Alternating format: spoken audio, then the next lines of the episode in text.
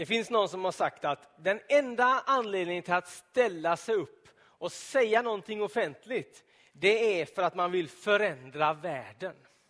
Och eh, det skulle jag också vilja göra idag. Jag skulle vilja förändra lite grann av din världsbild. I alla fall ge den en rejäl tackling så att den kanske skakar till lite grann. Jag vet inte hur du skulle förklara Gud om någon frågar dig. Kan du säga vem Gud är? Ja, då kanske någon skulle säga Gud är en farbror som sitter på ett moln med ett långt skägg och är lite så halvt besviken. Jag vet inte om du skulle säga det, men det är nog en, en gudsbild som många har. Och Nu skulle jag vilja förändra det och säga någonting annat. Nämligen detta, att Gud är kärlek och att han intensivt älskar dig och alltid har gjort det och alltid kommer att göra det. Så om du inte kommer ihåg någonting annat från den här konfirmationsgudstjänsten så kom i alla fall ihåg det. Jag vill läsa från en text i Nya testamentet som står i en bok som heter Första Johannesbrevet. Och det är fjärde kapitlet och sjunde versen. Där står det så här. Och lyssna efter kärleken i den här texten. Mina kära, låt oss älska varandra. För kärleken kommer från Gud. Och den som älskar är född av Gud och känner Gud. Men den som inte älskar känner inte Gud eftersom Gud är kärlek. Så uppenbarades Guds kärlek hos oss. Han sände sin enda son till världen för att vi skulle få liv genom honom. Detta är kärleken. Inte att vi har älskat Gud, utan att han har älskat oss och sänt oss sin son. Och så hoppar jag ett litet, en liten sväng så står det så här. Mina kära, om Gud har älskat oss så måste vi också älska varandra. Ingen har någonsin sett Gud, men om vi älskar varandra är Gud alltid i oss och hans kärlek har nått sin fullhet i oss. Ska vi göra ett litet experiment innan vi fortsätter med vår predikan? Du får tänka efter i tre sekunder och sen så ska du berätta för din kompis som sitter bredvid dig. Om du skulle säga en sak som du älskar, vad skulle det vara då? Det är ett bra sätt att lära känna varandra. Så vänd dig om till den du sitter bredvid och så säger du någonting som du älskar. Och välj något bra.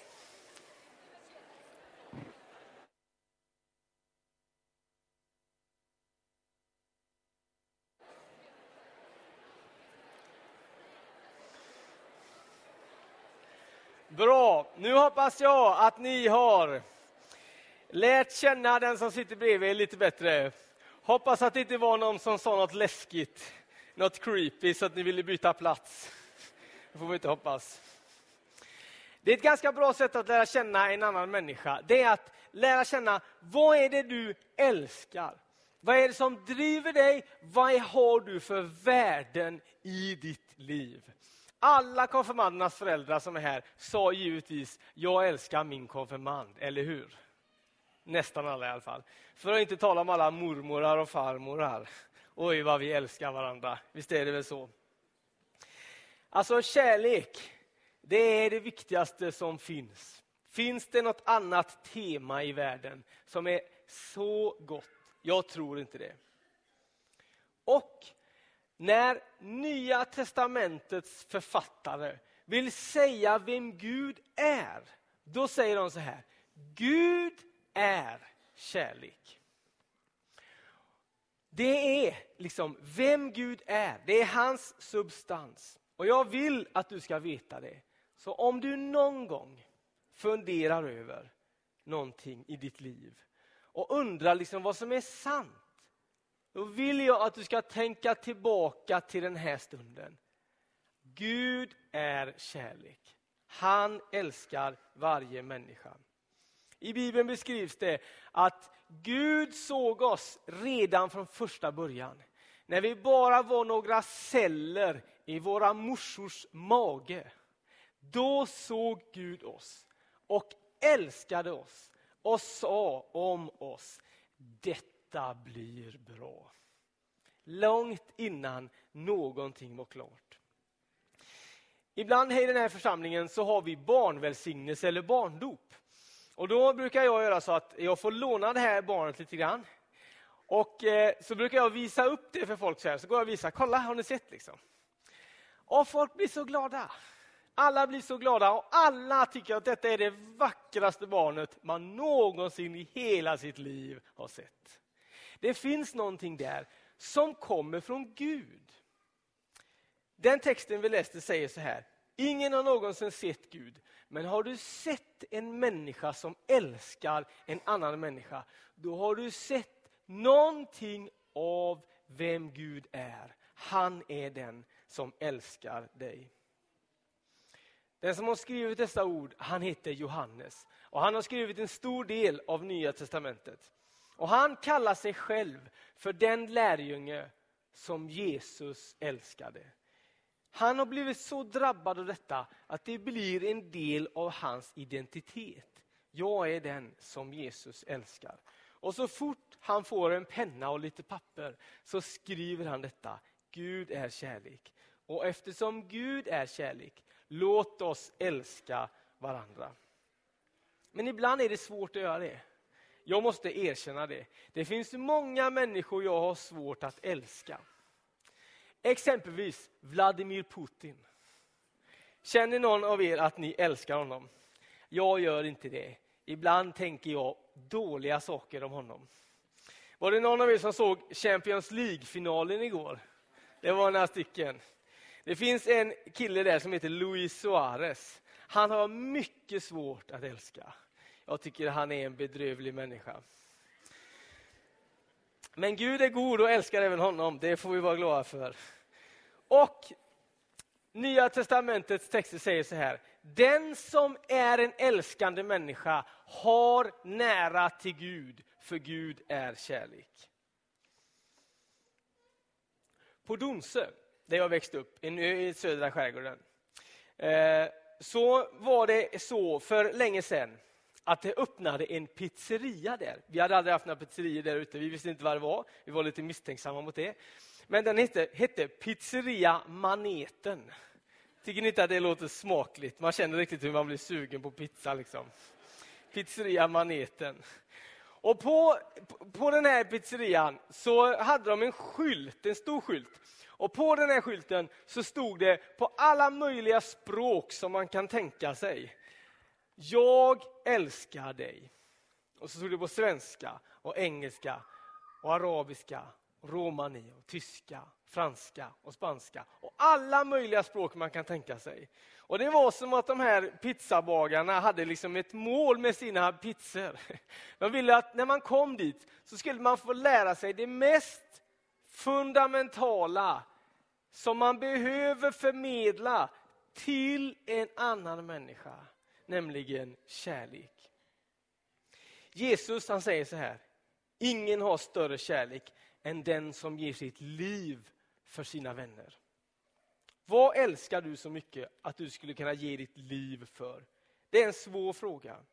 Att älska någon kan vara helt underbart.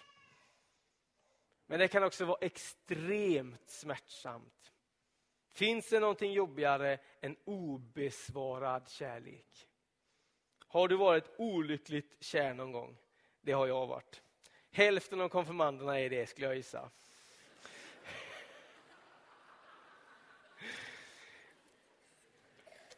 Och besvarad kärlek, det är det bästa som finns. Och Kärlek är någonting helt annat egentligen också än bara en känsla man har en, en fin vårkväll. Och Den kärleken som Jesus har till oss, den är inte kopplad till motprestation. Och jag vet, detta är svårt att förstå. För allting i vårt samhälle säger detta. Om du gör bra ifrån dig så kommer vi att tycka om dig. Och det vet vi. Om vi skaffar oss goda betyg, om vi jobbar hårt på våra jobb, om vi bäddar våra sängar, om vi klipper oss och sköter vår hygien, så kommer människor tycka bättre om oss. Men Gud, han älskar oss. Inte för att vi är duktiga eller fromma eller liksom rediga. Han älskar oss för att han är kärlek. Han kan inget annat. Han älskar. det är den han är. För eh, 10-15 år sedan så cyklade jag hem till min syster och hennes man. Och Då hade de en 3-4-åring som hette Christian. Nu är han 23, så det måste vara 20 år sedan. alltså. Och så på långt håll så såg han mig komma och så sprang han ut och så öppnade han dörren och så ropade han så att alla i hela kvarteret hörde. PA, jag älskar dig. Han visste inte vad det betydde. Han hade hört någon annan säga det, men han visste att han älskade mig och han ville att alla skulle veta det. Min pappa, han eh, lämnar ibland mina brorsbarn på dagis. Och då så, när de cyklade till förskolan så sa Ludvig där bak från barnsadeln, farfar, du vet väl om att jag älskar dig? Och farsan han blev så tagen så att han höll på att cykla av vägen. Av barn får man ibland höra sanningen. Det är någonting i det lilla livet som får fram någonting av oss. Första gången jag fick hålla min dotter i mina händer sen när de lämnade över henne till mig, de här barnmorskorna eller vad det nu var för några som gjorde det.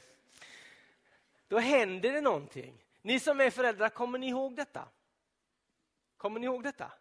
Ja. Det hände någonting. Och Det första jag kunde säga till henne det var, jag älskar dig. För att det var någonting där som föddes i mitt liv. Och det kommer från Gud. Han är kärlek. Albert Einstein, en av de mest intressanta och bästa frågeställarna i världshistorien. Han har ställt sig frågan så här. Vad som egentligen intresserar mig det är detta. Om Gud hade något val när han skapade världen. Och Då skulle jag vilja säga till dig, kära, kära Albert. Det var för att Gud är kärlek som han beredde plats för detta liv vi ser runt omkring oss. Gud har älskat oss med en större kärlek än någon annan. En större kärlek än världen någonsin har sett.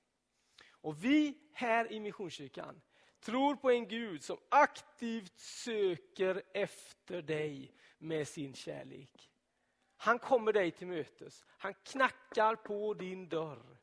Det finns inte någon annanstans i någon livsåskådning eller religion. Vi tror på en Gud som söker efter dig och vill berätta för dig. Du vet väl om att du är värdefull, att jag älskar dig. Gud, han är med oss i alla dagar, hela vårt liv. Jesus är inte långt borta från någon enda av oss. Och För mig är det en hisnande tanke att tänka att Gud har funnits där, inte långt borta från mig vid ett enda tillfälle i mitt liv och inte heller nu. När jag tog mina första stapplande steg, jag har en son hemma, han är, han är åtta månader. Och Han har börjat pröva att stå upp utan att hålla i sig. Han står liksom så här. Och så tar vi tid och ser hur många sekunder det tar. Ja, rekordet just nu ligger på fyra och en halv sekund. Så länge kan han stå. När du ställde dig upp första gången och balanserade och prövade, då fanns Jesus där i din närhet och önskade att du skulle slå rekordet. När du tog dina första stapplande steg inom livet, då fanns Jesus där nära dig och önskade att du skulle klara det.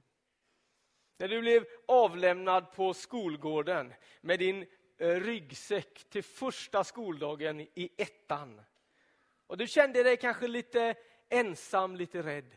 Då var Jesus där vid din sida och ville att det skulle gå bra för dig. När du upplevde den första kärleken, då fanns han där och tänkte yes, detta blir bra men också i livet.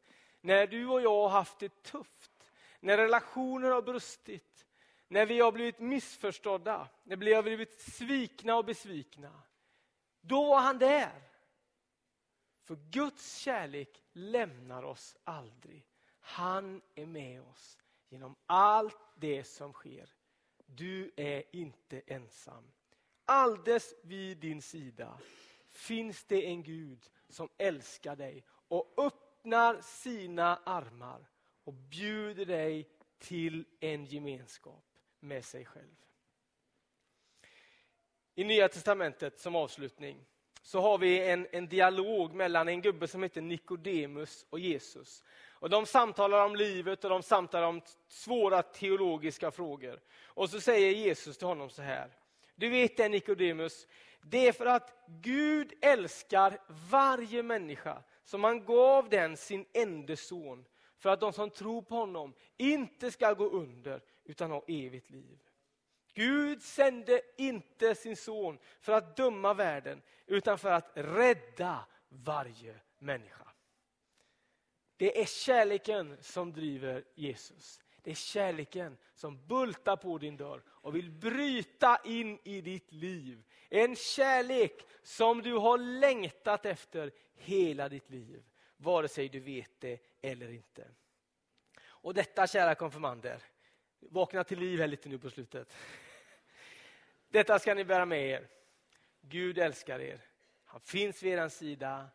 Jesus lämnar oss aldrig. Visst är det bra? Yes. Låt oss be tillsammans. Herre helige Gud, tack att du inte är långt borta från oss. Tack att du har lovat att aldrig lämna oss. Tack att du söker efter oss aktivt med din kärlek varje dag.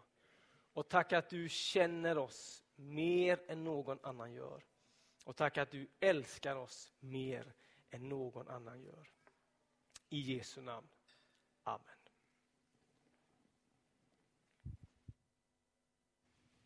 Bye.